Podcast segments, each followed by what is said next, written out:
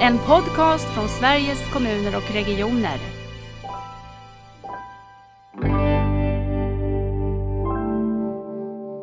Och jag är lite sådär formell. Har man beslutat det, det är den högsta beslutande organet vi har i Sverige, riksdagen, så gäller det lokal eller regional nivå. Så här tänker vi utvecklingen. Så att vi kan lägga ut dem över Sverige och se att det här är vad som är planerat. Och utifrån det då använda pengar och stöd på olika sätt för att det verkligen ska kunna förverkligas alltihop.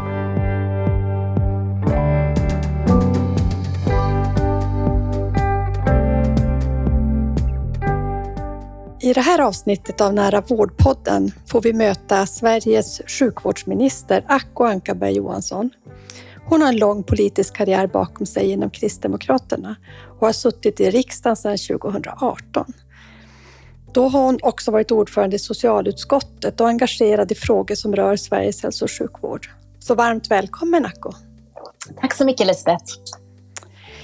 Eh, nu har julen just varit och nu ska vi börja ett eh, nytt år. Vad ser du mest fram, fram emot för 2023? Många saker. Ehm, det som ligger väldigt nära för mig som minister är att vi vid sidan av allt det där vanliga som jag vill göra och som jag tror att vi kommer in på när det gäller den goda nära vården och få fler vårdplatser, så handlar det också om att vi har ett ordförandeskap i EU. Sverige ansvarar för ordförandeskapet det här första halvåret. Så det tycker jag ska bli jätteintressant att på ett djupare plan få diskutera med kollegorna i Europa och hitta både det som förenar och det som kanske skiljer mm. oss åt. Spännande. Jag har också mycket av det här mer internationella perspektivet med mig nu för det året som kommer. Jag tänkte också att Norden är intressant att se hur vi kan jobba ännu mer nära eh, kring omställningen till nära vård just.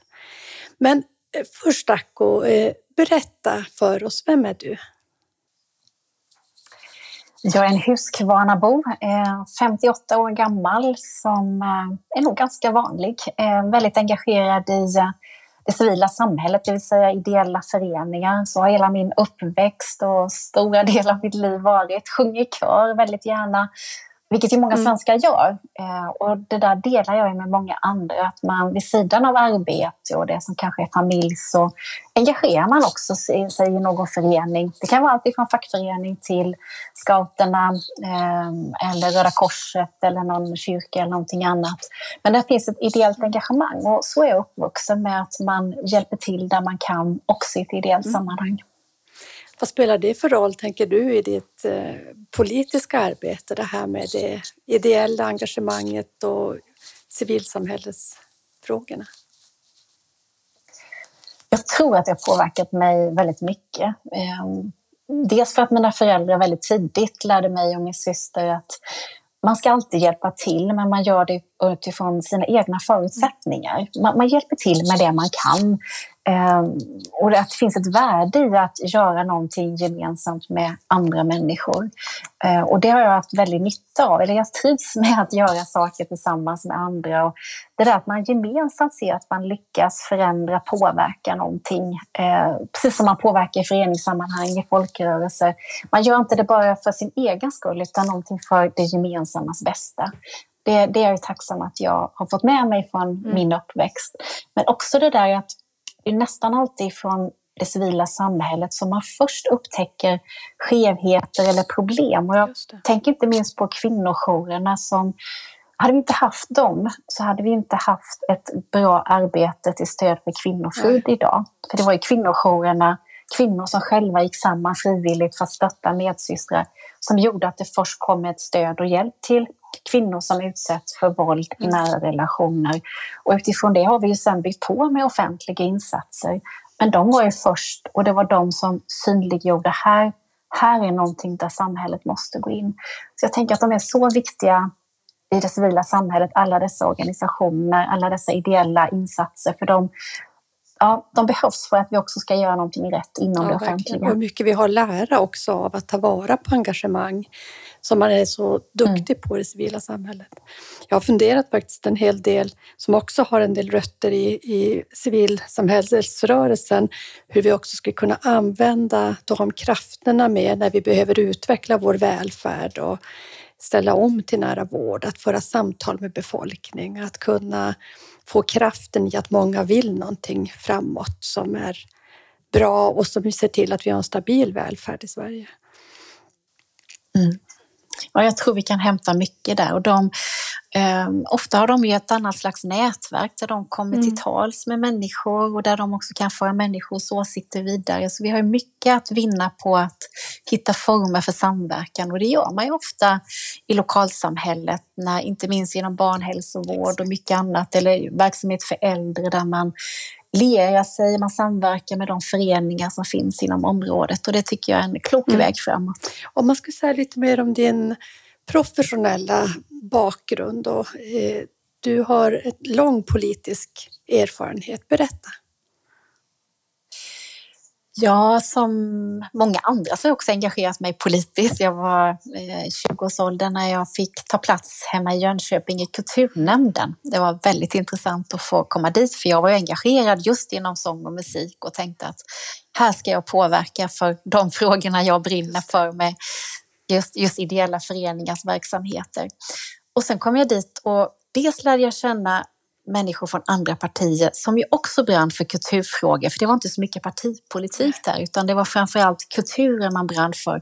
Så jag lärde mig så mycket av de andra. Och sen lärde jag mig också att det är så svårt att göra helhetsbedömning. Det vill säga, jag kom ju dit med mitt intresse mm. väldigt mycket. Och sen insåg jag att jag måste ju väga av alla de här intressena som finns inom kulturen och samhället.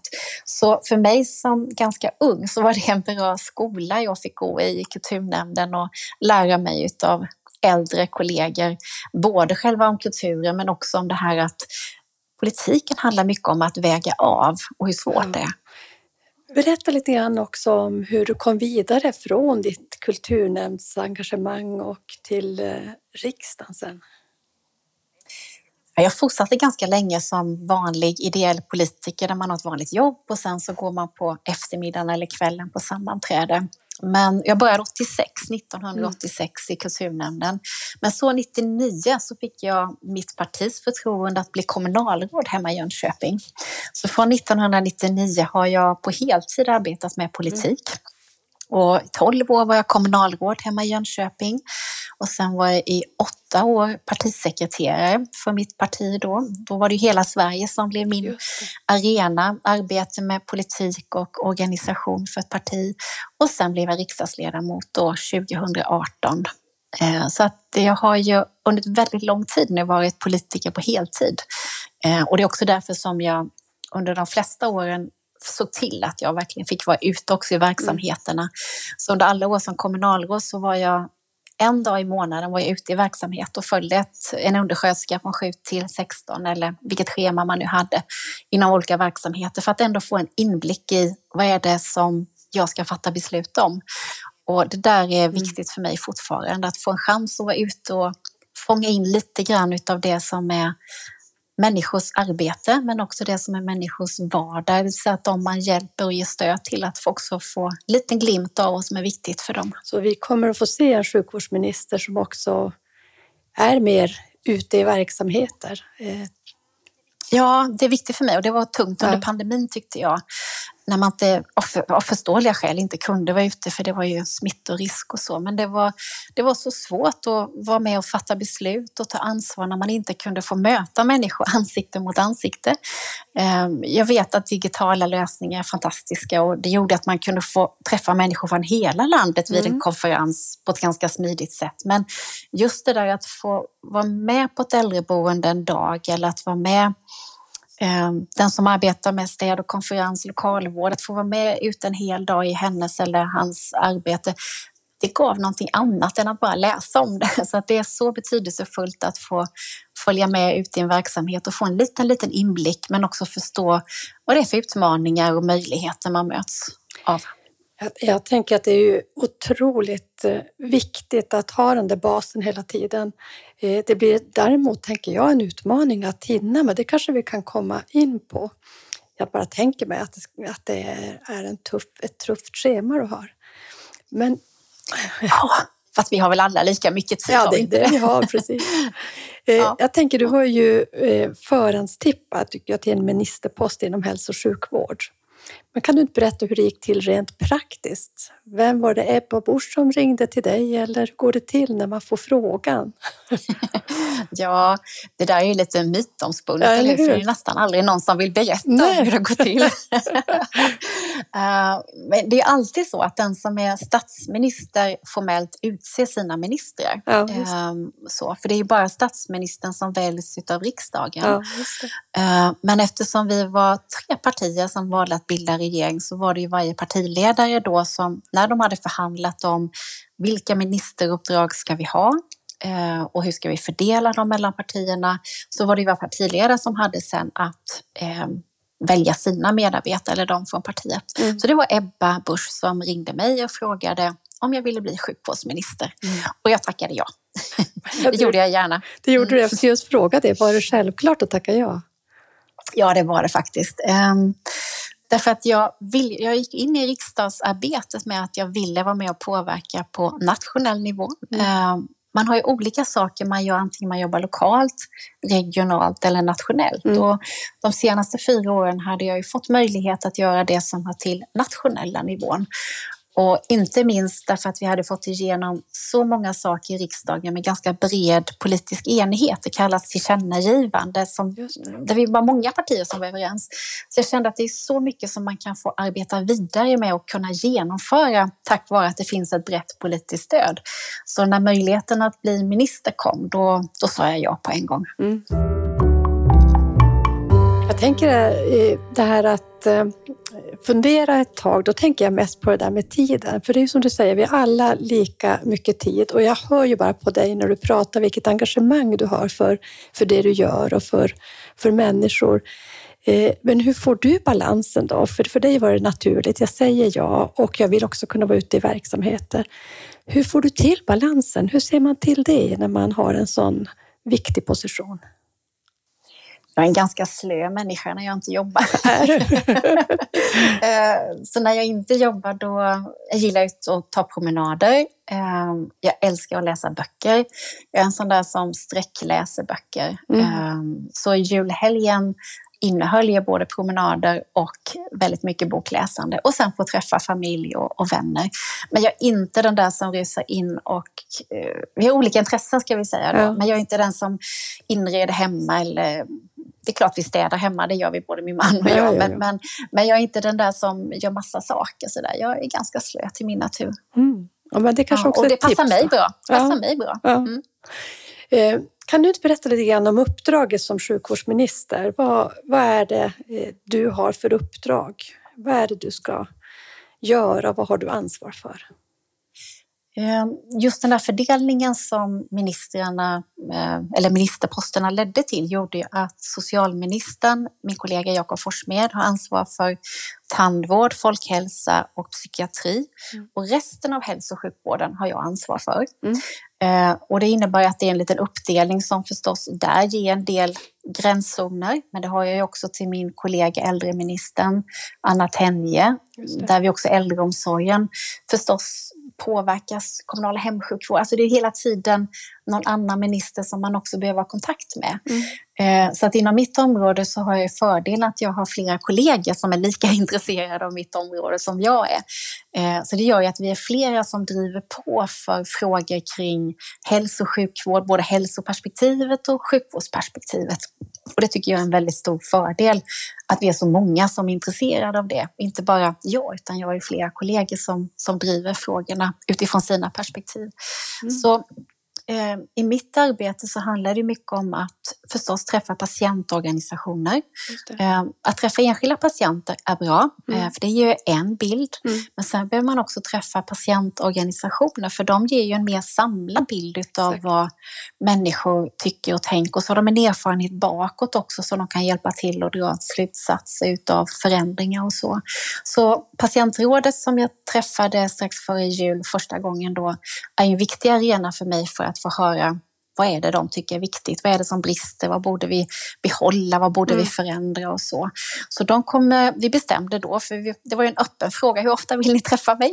Ja, precis, de har ju också en tuff agenda, så att de träffar jag tre gånger per termin då. Ja. Eh, och så har vi eh, behöver vi förbereda däremellan så att de skickar in vad de vill lyfta fram. Men det är ett sätt att följa upp mer på lite sammanförd nivå vad patientorganisationer mm. tycker och tänker. Sen träffar jag ju däremellan enskilda organisationer och enskilda människor. Och så. Um, sen träffar jag också professionens olika företrädare, fackförbund. Um, så de träffar jag också regelbundet. Mm. Um, träffar organisationer som Sveriges kommuner och regioner där du mm. representerar. Mm. Så uh, olika sådana konstellationer träffar jag Eh, en del varje månad, eh, någon var sjätte vecka, någon var åttonde vecka. Träffar också mina myndigheter, eh, Socialstyrelsen exempelvis som en myndighet som, som jag har ansvar för, behöver jag också träffa regelbundet och så. Så att det är ett antal patientorganisationer, professionernas företrädare, myndigheter, SKR sådana konstellationer har jag ju kontinuerligt inlagt i min almanacka som jag träffar. Därför att det är fasta möten som jag, vad ska jag säga, mitt basuppdrag. Jag måste träffa dem för att veta hur det står till och vad som mm. händer. Och därutöver så är jag då, vill jag vara ute och resa och få känna på hur det är på plats någonstans. Eh, så jag hoppas att kunna göra ganska många studiebesök. Eh, men ordförandeskapet i vår tar en del tid. Så att det där stora regionbesöken jag tänker göra, de får starta till hösten. För de kräver lite mer tid, så de klarar vi inte riktigt av i vår. Och där hoppas jag också att kunna planera dem tillsammans med regiondirektören och hälso och sjukvårdsdirektörerna som jag också har med som jag gärna träffar. Träffade dem mm. före jul och hoppas fortsätta träffa dem regelbundet. Så det är nog många olika konstellationer som jag träffar regelbundet för att få höra vad är det som staten kan bidra med? Vad är det staten borde låta bli att göra? Eh, eller vad är våra problem på hemmaplan som du behöver veta om? Så det är ett antal konstellationer som eh, är fasta möten i min almanacka och därutöver så disponerar jag tiden fritt med att resa runt, träffa människor och eh, ja, ibland får man också träffa kungen och berätta vad som pågår inom sjukvården. Mm, just det. Mm. Hur blir kopplingen eh, som sjukvårdsminister till sen socialutskottet där du nu har lämnat din roll såklart som ordförande? Hur, hur jobbar man i förhållande till sitt parti? tänker jag. Mm.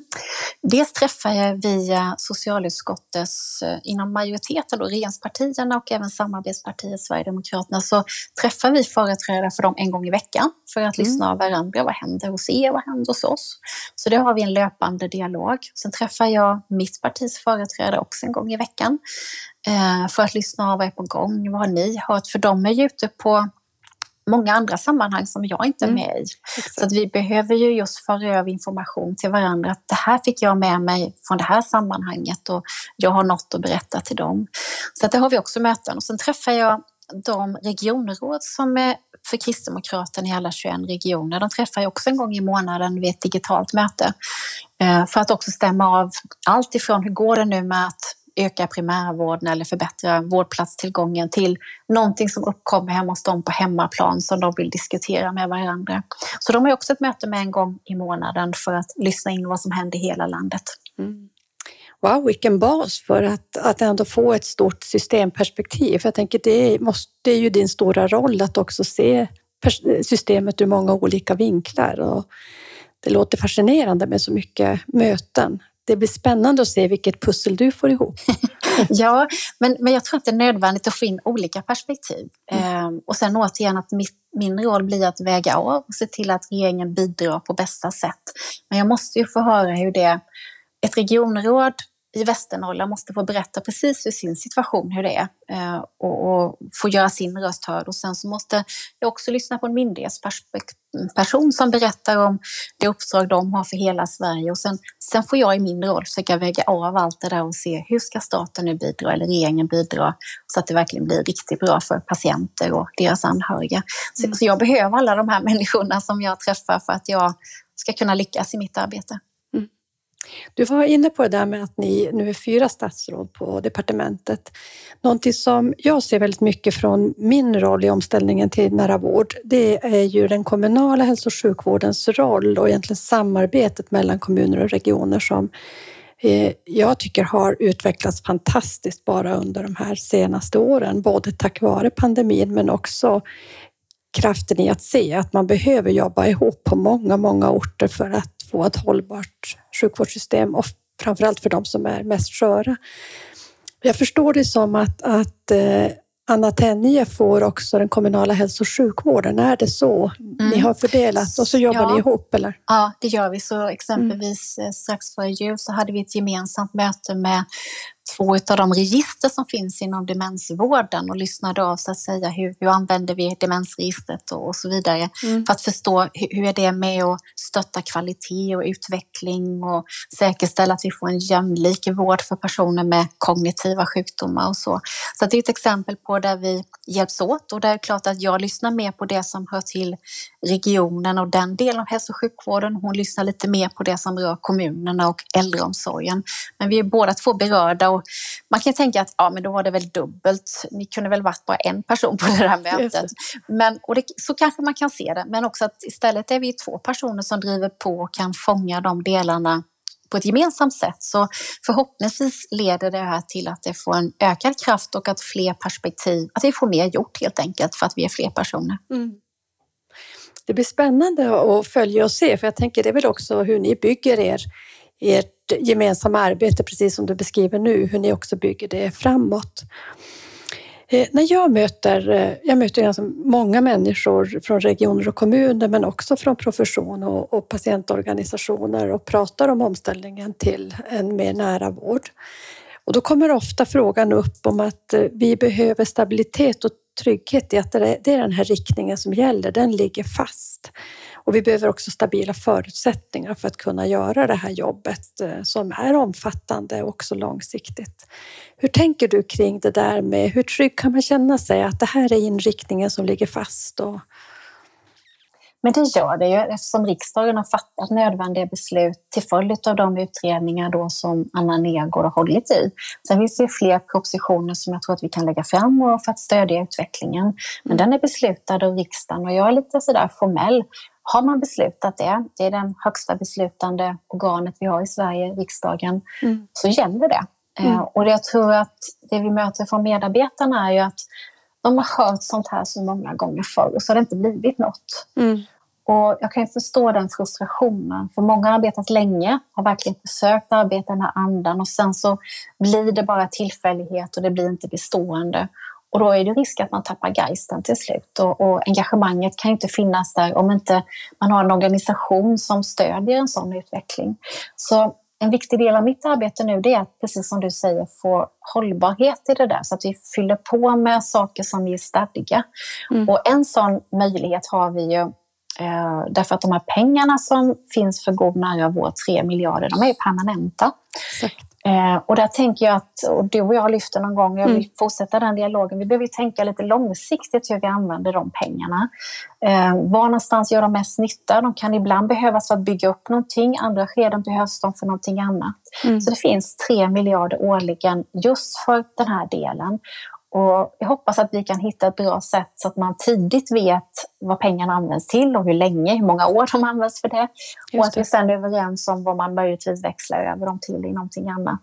Mm. Eh, och det är där som dialogen med, med dig är viktig, men också utifrån med den roll du har, det uppdrag du har, men också utifrån de samtal jag har möjlighet att ha med sjukvårdsdirektörerna och regiondirektörerna för att liksom lyssna in hur är helheten, hur passar det här in i helheten och så. Mm. Så det som eh, är viktigt för mig också och som jag tror att Anna Tenje grunnar mycket på det är att hur vi får in kommunernas röst, för de är ändå 290 så det är svårt ja. att, koppla upp alla på ett digitalt möte eller sådär. Så, så där har vi tror jag, utmaningen att få med de 290 kommunernas röst på ett bra sätt i hur vi ska få med utvecklingen. Så det tror jag det är det jag grunnar mest på. För de 21, det finns en möjlighet att lyssna och samtala. Mm. Men 290, det, det, kräver någonting annat i organisation och struktur tror jag, så att vi verkligen hamnar rätt med de pengar och de statliga medel som finns. Mm. Jag tror att det där som du sa nu om de permanenta medlen, det är en otroligt viktig signal och som vi på många sätt får hjälpas åt att ge trygghet i att de här pengarna finns nu. Det här är inte en tillfällig satsning. Det är någonting som vi behöver utveckla över tid, men det finns också statsbidrag som man kan lita på att de kommer. Mm. Jag, jag tänker också på det här med, med den kommunala hälso och sjukvården och eh, jag tänkte nu när våren har gått och, och ordförandeskapet har är över, då tror jag att det vore ganska klokt att också möta de här systemledningarna som har bildats i alla regioner, där kommun och region tillsammans funderar på hur de ska utveckla sin gemensamma primärvård i ett län och hur man samarbetar med specialiserad vård. Så det kan vara ett sätt att bryta mm. ner Eh, och ja, det, klart, då berörs ju både du och, och, eh, mm, Anna och Anna. Mm. mm. Men det är också så att det finns ju överenskommelser eh, mellan kommuner och regioner om hur man tänker sig arbeta och så. Eh, och jag ser fram emot att också lägga dem där på bordet och liksom se hur ser det ut så att man får den här samlade bilden. Mm. Eh, hur mycket gör man som är ganska lika? Eh, finns det saker som skiljer ut sig? och det kan ju finnas skäl för det, så det är inget konstigt, men att förstå hur gör man? Hur, hur, jobbar man nu runt om i landet? Så att det är också där jag tänker att eh, när vi använder pengarna, staten har ju inget bra sätt idag att få in information om vad man gör i hälso och sjukvården eftersom den är eh, självständig och man är självstyrande. Men vi behöver ju få in underlag. Det här är vår plan som vi har beslutat om på lokal eller regional nivå. Så här tänker vi utvecklingen. Så att vi kan lägga ut dem över Sverige och se att det här är vad som är planerat. Och utifrån det då använda pengar och stöd på olika sätt för att det verkligen ska kunna förverkligas alltihop. Mm. Eh, precis som du säger, både målbilder och också handlingsplaner eller färdplaner finns, eh, som gott, eller finns i alla län och så är de ju inte alltid beslutade politiskt, men nästan på alla ställen. Ja, det är lite olika hur man har gjort. Det är, klart, mm. det, är en trygghet i att ha dem politiskt beslutade, det tycker jag ju. Men det kan ju vara så att det kommer framöver när de har fått eh, pröva ett tag. För jag tror att det är bra styrka också att man har så bred politisk enighet som möjligt för mm. de här planer och strategier man har. Verkligen. Eh, jag tänker när du ser på omställningen till nära vård och utvecklingen framåt, vad tänker du är viktiga frågor på agendan just nu för er? En viktig sak, eller två viktiga saker. Det ena är att det på riktigt blir personcentrering, att vi hjälps åt och, och arbetar personcentrerat. För egentligen är det ju det som är den goda nära vården. Mm. Att, att, lyssna på personen, patienten jag har framför mig. Vad är det du behöver hjälp med? Vad, vad, vad är det som är viktigt för dig nu? Och man har liksom situationen, det medicinska, de sociala, de psykiska behoven. Allt utifrån det liksom jobba på det bästa sättet. Men att, hur gör man det här? Jag tror att alla som gick in och jobbade inom vård och omsorg hade just personcentrering för ögonen. Det var därför man ville jobba. Men sen möts man av att allting, mm, det blir inte som man har tänkt sig därför att det finns system som hindrar ibland. Det kan vara allt ifrån arbetsscheman till eh, för lite pengar. Eh, och då behöver man liksom fundera på mycket, hur gör vi för att det på riktigt ska bli personcentrerat? Nästan alla jag träffar berättar om att det är först när man har fått riktig personcentrering, att jag får hjälp liksom över alla de här gränserna som finns, det är då jag känner mig sedd och har fått hjälp på riktigt. Precis. Och nästan alla berättar om att jag tror att de jobbade för mycket innan. Alltså jag fick hjälp inom varje område eller för varje sjukdom. Men det var inte riktigt det jag behövde, utan det var det här jag behövde istället. Mm. Så det är inte alltid att det blir en merkostnad. Någon gång kanske till och med en lägre kostnad tror jag. Och det är inte farligt att säga som minister, för då tror de att vi inför detta av ekonomiska skäl. Men, men det är just att när patientens röst eller den äldre eller vårdtagarens röst får komma fram, då blir det mycket bättre. Så att liksom verkligen ge oss tid att jobba personcentrerat, det, det tror jag kommer vara den viktiga framgångsfaktorn. Och den andra framgångsfaktorn det är att vi eh, för det första då, det måste ju genomsyra också så att varenda kommun och regionledning förstår att det är därför Exakt. vi gör det här. Det är liksom, mm. systemen ska stödja det. Och just, mm. om jag lägger till en sak. Eh, vi har inte alltid system som stödjer det när man har budgetansvar på sin enhet. Nej. Eh, och jag förstår ju förstås detta. Jag har också varit kommunstyrelsens ordförande och vet vikten av att man håller sin budget, absolut. Men om jag ska jobba personcentrerat så kommer det gå över olika enheter. Och det blir ju inte bra om vi lägger mycket pengar men det inte blir rätt för patienten eller vårdtagaren. Så vi måste hitta system som just stödjer personcentrering också i budget, anslag, hur vi liksom organiserar våra kommuner och regioner. Och där skulle jag vilja att akademin hjälper oss också med bättre sätt att ha en organisation som stödjer personcentrerad mm. vård. Så att mm. Jag ser ju jättemycket spännande saker som jag hör från, från ditt arbete och många andra. Men det där måste vi sätta rejäl fart på så att det verkligen på riktigt blir förändringar som, som stödjer den här utvecklingen. Och det andra är ju då att primärvården måste bli större. Annars kommer inte resterande del av hälso och sjukvården som är nära patienten att funka om det, om det benet är för svagt. Så att därför måste ju primärvården med alla sina kompetenser, Eh, att man har möjlighet till en fast vårdkontakt, att man har en fast läkarkontakt och att den har ett rimligt antal patienter när det benet funkar, då kan ju också allt annat fungera på ett stabilt sätt. Så personcentrering och en utbyggnad av primärvården, det kommer ju vara viktiga delar för att det här ska kunna förverkligas fullt ut. Mm. Ja, jag blir jätteglad när du säger det. Det är ju också det som jag tycker när jag möter både professioner och patienter men också regioner och kommuner så är det ju där man ser att man måste kunna göra sina stora förändringar med det utgångspunkten att det är personcentrering som gäller. Men då följer mycket utmaningar. Då mm, följer mm. utmaningar som du säger kring våra styr och ledningssystem. Också våra sätt att följa upp. För jag tror det här att, att verkligen göra primärvården till navet, det kräver också att vi kan följa upp de här mellanrummen som vi sparar in när vi mm. jobbar på andra sätt och ser att det här ger effekter också för en stark primärvård och också se till att få spridning på sådana arbetssätt. Mm.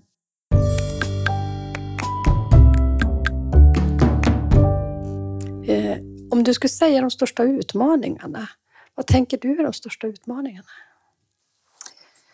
En utmaning idag är ju förstås kompetensförsörjningen. Ehm, mm. Det kanske är den största utmaningen därför att det är för många som inte orkar arbeta kvar eller man orkar inte arbeta heltid fastän man vill därför att jobbet är för tungt. Och det där måste ju varenda arbetsgivare grunna på och göra förändringar så snart man bara kan. Därför att om inte medarbetarna snart märker att det blir en förändring i arbetsmiljö och arbetsvillkor då kommer vi att tappa dem. Och vi har ju tappat massa duktiga människor som har erfarenhet och kompetens. De har gått till andra yrken. Och jag skulle önska att vi kunde locka tillbaka de här erfarna, duktiga människorna. Men vi behöver också fler som vill söka sig till yrket. Så kompetensförsörjningen, det är verkligen nummer ett för att vi ska kunna ge den vård och omsorg som människor har rätt till. Men andra jag tänker på det är också att få befolkningen att lära sig att eh, man kan göra ganska mycket själv. Eh, mm. Att jag kan ta ansvar i mitt eget liv på det sätt som mina förutsättningar ger möjlighet till. Så att man får lite mer vad ska jag säga, egenmakt på något vis mm. eh, som människa. Och där har ju den goda nära vården roll att spela för att ge människor eh, de här verktygen eller förutsättningarna också. Och ibland säger vi att det handlar om att arbeta hälsofrämjande. Eh, och det är det ju. Eh, för om vi kan liksom bistå med att få människor att tänka mer det här kan jag göra och det kommer vara bra för mig på sikt att jag gör på ett eller annat sätt. Eller eh, det här är en god vana som jag kan ha. Det kommer att medverka till färre risker för vissa sjukdomar för mig. Eller det är jättebra att gå till apoteket. Jag behöver inte alltid ringa eh, vårdcentralen kanske. På apoteket finns också kunnig personal som är utbildad och så vidare. Det finns en hel katalog tror jag av saker man kan göra för att stärka det som är hälsofrämjande.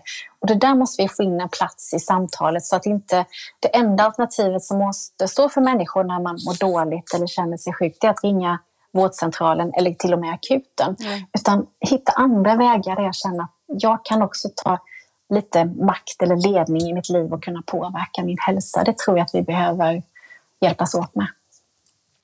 Jag tycker att mycket av det här också handlar om sättet, jag tänkte vi var inne på civilsamhället från början, att, att nå andra än de som redan har kommit till oss i, i vården, utan att nå människor när de är, finns i andra sammanhang och andra kontexter. Jag tänker också att även om du lever långvarigt med en kronisk sjukdom som så många, hälften av svenskarna gör idag, så vill du också kunna vara självständig. Mm. Jag tror att den här Eh, kommunikationen av att vara också ett stöd för att kunna leva sitt liv bra trots att man får slå följe med sjukdom är en viktig del av omställningen och att man behöver fundera på hur, hur får vi till de samtalsspiralerna så vi inte bara handlar om att jag kommer fel när jag kommer in till vårdcentralen eller akuten, mm. för det är ingen som önskar att vara där man inte behöver. Det är bara för att det var det enda jag visste om. Exakt. Uh, och då, då klart jag söker mig dit, för det är det jag vet om. Men om man får chans att, och inte minst om du nämner personer med kroniska sjukdomar, de har ju stenkoll ofta på sin sjukdom. Mm. Eh, och det är nog inte ovanligt att de nästan vet mer än den vårdpersonal de träffar därför att de har ju levt hela sitt liv med sjukdomen och vet hur det är upp och ner med dalar och toppar så där i sitt liv. Men de behöver också få vara med och forma vilken hjälp de får. Eh, mm. Jag möter exempelvis ganska många idag med diabetes typ 1 där ju alla appar och medicintekniska hjälpmedel är ovärderliga. Eh, för att de ska kunna sköta sitt liv och sin medicinering och må bra och inte riktigt behöva tänka på den där sjukdomen som är livslång och som påverkar mig jättemycket. Mm. Men det är inte riktigt vi heller ens med med standard så att vi kan docka in i det där utan det blir någonting som patienten gör för sig själv. Och så mycket som händer nu, inte minst med många patientföreningar som är med och utvecklar jättespännande saker som jag tycker stärker egenmakten. Där behöver vi ju få sätt att, eh, från det offentliga att kunna docka in och vara en stödjande part också i detta. Mm. Eh, och jag tror att många vill vara det, men vi hittar inte riktigt... Eh, ibland är det till och med digitala system som hindrar och ibland är det förstås sekretess och det är viktiga frågor så vi inte bryter integritetskraven och så. Men jag tror att vi kan göra mycket mer om om bara medarbetarna i vården och patienterna fick, fick tid att grunna och träffa och prata med varandra, då skulle det kunna hända mm, ännu mycket mer tror jag. Mm. Jag tänkte på det här med kompetensförsörjningsutmaningen som vi verkligen brottas med på alla ställen i samhället. Jag bor ju i Norrbotten som du vet och jag har tänkt mycket på den gröna omställningen som sker här uppe och eh, att Kiruna var tvungen att stänga sina skolor under delar av av den här hösten som var för att man inte hade bemanning. Och, och så tänker jag, det är ju verkligen när vi började att, att verkligen prata om en välfärd som håller också framåt i Sverige. För jag tänker att det är en av de saker som vi verkligen är mest stolta över och kanske tar för, lite för givet. Och att de här frågorna är så viktigt att koppla ihop, att också se att när vi jobbar mer gemensamt så använder vi också de resurser vi har i vårt välfärdssystem på bättre sätt tycker jag känns otroligt viktigt så vi får ett håll eftersom det är så många sektorer som mm. har sina kompetensförsörjningsutmaningar förutom vården. Mm. När du ser utvecklingen till den nära vården, vad känner du dig mest glad över? Du har ju fått följa den från din post i socialutskottet som ordförande där under alla de här åren. Ni har fattat många viktiga beslut som du sa i riksdagen och så. Det som jag är mest imponerad över det är att man faktiskt fortsatte utveckla detta på ett väldigt bra sätt under pandemin. Alltså det mm. borde inte ens vara möjligt, tänker jag egentligen. Nej, exakt. Pandemin med alla sina utmaningar. Men det jag kunde se var ju att samverkan och olika sätt att jobba, det utvecklas under pandemin.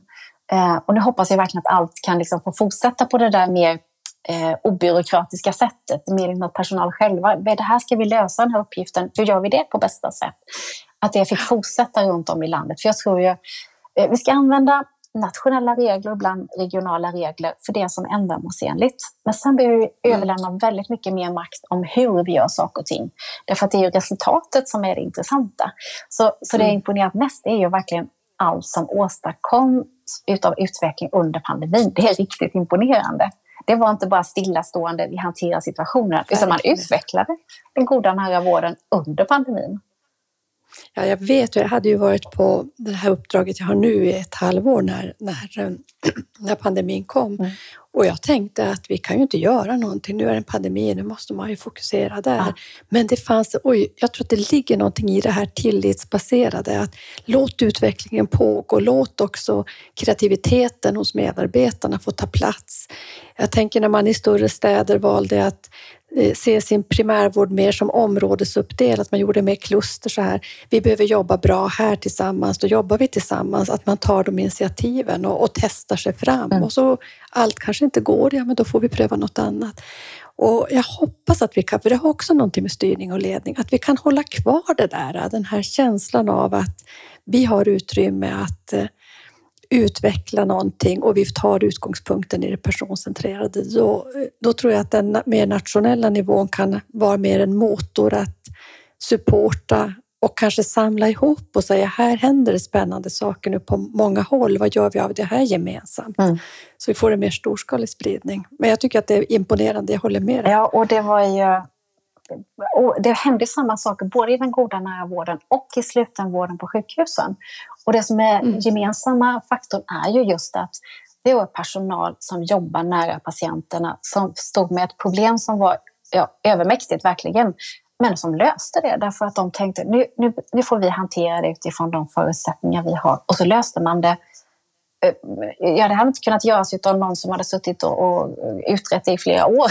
hade inte kunnat komma på allt det som de löste på ibland en förmiddag och ibland på en vecka. Men de löste och förändrade situationen för att hantera det här nya som kom.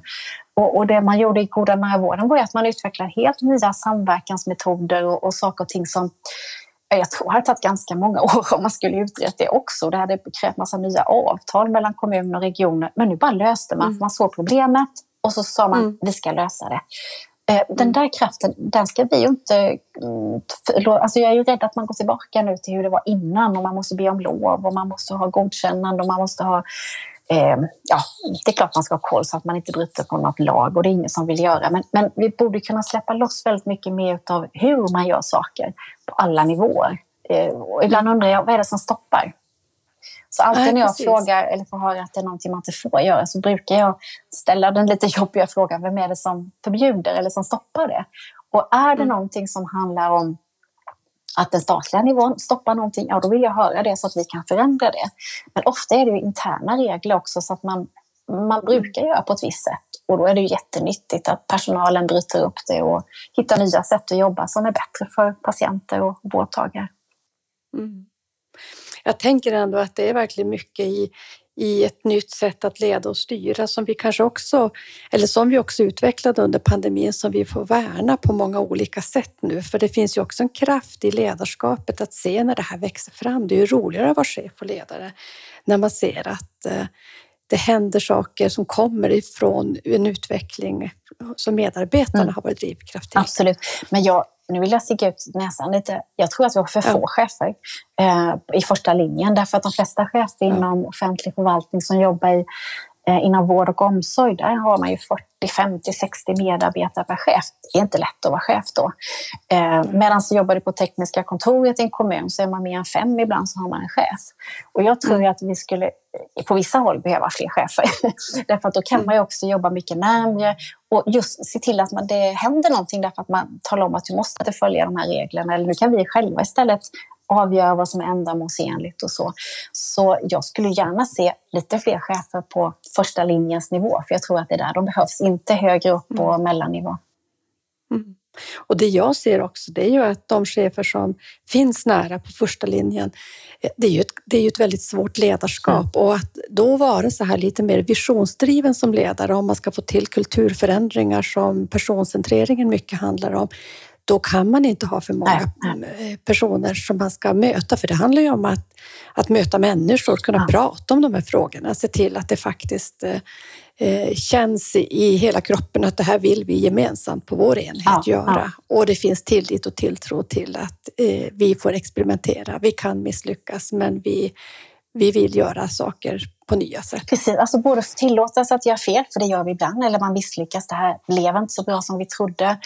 Eh, kunna stötta medarbetare, bara det faktum att chefen finns i närheten är så viktigt, för när någon kommer förbi och man råkar höra den där tunga sucken för man, man hör att nu är det för mycket idag. Att då vara chef och också kunna gå in och kanske stötta eller finnas med, det är lika viktigt som att vara med vid de stora utvecklingsmötena. Att vara med liksom i både vardag och helg i verksamheten. Och det är ju helt omöjligt om man har väldigt många medarbetare och man inte träffas dagligdags. Så det är en liten framtidsfråga vill jag säga, att vi får fler chefer i första linjen. Det är där de behövs. Mm. Ser du någonting så här givet som när du möter de som säger det här, men vi kan inte för det går inte för det här och det här och du ställer frågan, vem är det som hindrar? Är det någonting som du hör som är så här, ja men det här skulle vi behöva ta tag på från riksdagen eller från statlig nivå för att ta bort ett hinder? Har du någon sån lista på det här är hinder som är besvärliga ute i verksamheten? Vi har ju en del hinder därför att vi har dålig samordning mellan myndigheter av olika slag. Ehm, och det där behöver vi ju rätta till. Ehm, hoppas att staten kan medverka till det framöver så att vi inte har olika tider för rapportering och sånt där. Och det, mm. det är ju samma sak inom offentlig sektor som det är till företag som ju hela tiden ska fylla i nya papper till staten på ett eller annat sätt. Och, och, det är klart att då får man inte någonting gjort på jobbet och det gäller verkligen inom vård och omsorg. Så där har vi en egen läxa att göra. Sen har man ju mm. väldigt mycket, tror jag, eh, saker som sitter i väggarna om hur man ska göra. Mm. Som kanske inte ens finns på pränt. Och då är det väldigt bra när det kommer någon som är ny, tycker jag, på jobbet ibland som frågar varför mm. gör vi det här? eh, och då brukar jag tillhöra de där som har varit med jättelänge och säga att ja, men så har vi alltid gjort, det är bra, det är tryggt. men då är det så bra med de där nya som kommer med lite spetsiga frågor. Vi behöver ju dem också som som eh, ifrågasätter och får oss att grunna på, behöver vi verkligen göra det här? Vi kan göra det på ett annat sätt. Fortfarande uppfylla alla lagar med hälso och sjukvårdslag och patientsäkerhetslag och alla andra, men göra det på ett annat sätt. Jag tror att vi kan göra det lite mer ofta än vad vi gör idag. Mm. Finns det någonting som du känner vi har inte pratat om som gäller den nära vården eller ditt, eh, din nya roll i, i svensk hälso och sjukvård? Som vi ska passa på att ta upp? Det är som egentligen alla de där goda exemplen och hur svårt det är att ta till oss av dem. för de är ju så ja. många. Ehm, jag kan ja. se inom många sektorer, inte minst för människor med kroniska sjukdomar eller äldre som ofta har många sjukdomar. Ibland säger man att man är multisjuk, men ofta har man en ganska sammansatt situation. Så de får ju ofta fantastiskt bra hjälp. Jag kan ju se det på nära håll, jag får berättelser från andra och sen så frågar jag, ja men gör ni så i hela kommunen då? Eller hela regionen? För det verkar vara en bra metod. Mm. Nej, nej, det är bara här det funkar. och jag mm. tänker att jag tror att vi kan ta åt oss lite mer exempel. Sen kanske de behöver anpassas, för så är det ofta. Men just det där att lyfta fram goda exempel och, och faktiskt gå hem och grunna på om jag inte ska göra så där ändå. Eh, inte bara låta dem fladdra förbi de goda exemplen utan gå hem och tänka mm. till. För det görs massor som är bra. Och en sån här återkommande sak är ju Um, när patienter verkligen får en riktig egen vårdkontakt. Um, när liksom mm. det, den finns till för mig, man kan namnet på den där. Um, mm. Jag ser åt mina föräldrar, alltså Inger är det man pratar med för att hon är äldresjuksköterska. Hon grejar nästan allt. Det får till och med min mamma, mamma att låta bli att åka till akuten. Hon väntar hellre ett dygn och åka till Inger på vårdcentralen. Alltså en trygghet som inte går att beskriva. Eh, den här tryggheten när jag känner en person, när jag vet att den här finns till för mig i den här situationen. Den tryggheten, den är ju ovärderlig och det är jättemånga som har den tryggheten idag inom kommunal mm. hälso och sjukvård och regional hälso och sjukvård. Och jag skulle önska att alla människor kunde känna den tryggheten. Både att man får den vård och omsorg man behöver och tryggheten i att den alltid finns där när jag behöver den. Jag tror inte man söker i onödan, utan man söker därför att man behöver hjälp. Och vet jag då att den här personen finns där imorgon, då väntar jag till dess. Därför att det är bättre att prata med honom eller henne istället för att ställa mig på kö med någon jag inte känner på kanske akuten eller nära akuten. Eller så. så tryggheten som så många ger idag, den skulle jag önska att alla verkligen fick känna i hela landet. Det är så intressant att du säger trygghet, för det är någonting som jag verkligen eh, jag hör eh, jag varje vecka på olika sätt. Och jag tänker att den hänger också ihop med tillgänglighet, mm. tryggheten. Att, att hon finns mm. där när jag behöver. Det gör också att jag upplever också en tillgänglighet. Ja. Så jag tror att det finns otroligt mycket i det, det du säger. Jag tänker också, jag eh, tycker att ibland så hör jag att det händer ingenting. Den nära vården händer ingenting i och vi hör ju mest om det som inte fungerar och så får man i en roll som jag har lyssna på väldigt många som gör väldigt bra saker.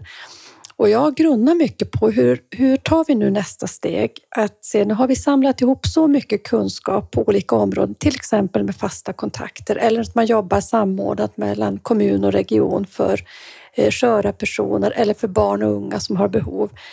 Eh, det är nog dags och det kanske vi kan spela en roll tillsammans som nationella aktörer att att lite samla ihop de här olika vad ska jag säga, arbetssätten som börjar växa fram och se hur kan man, mer än enstaka exempel, kan man samordna dem? Kan vi se resultat som vi ser när vi tittar på dem aggregerat för att skapa trygghet i att vi behöver inte uppfinna allt från grunden på varje ställe. Vi kan anpassa saker, men det finns också nu så mycket som är prövat som funkar mm. så bra.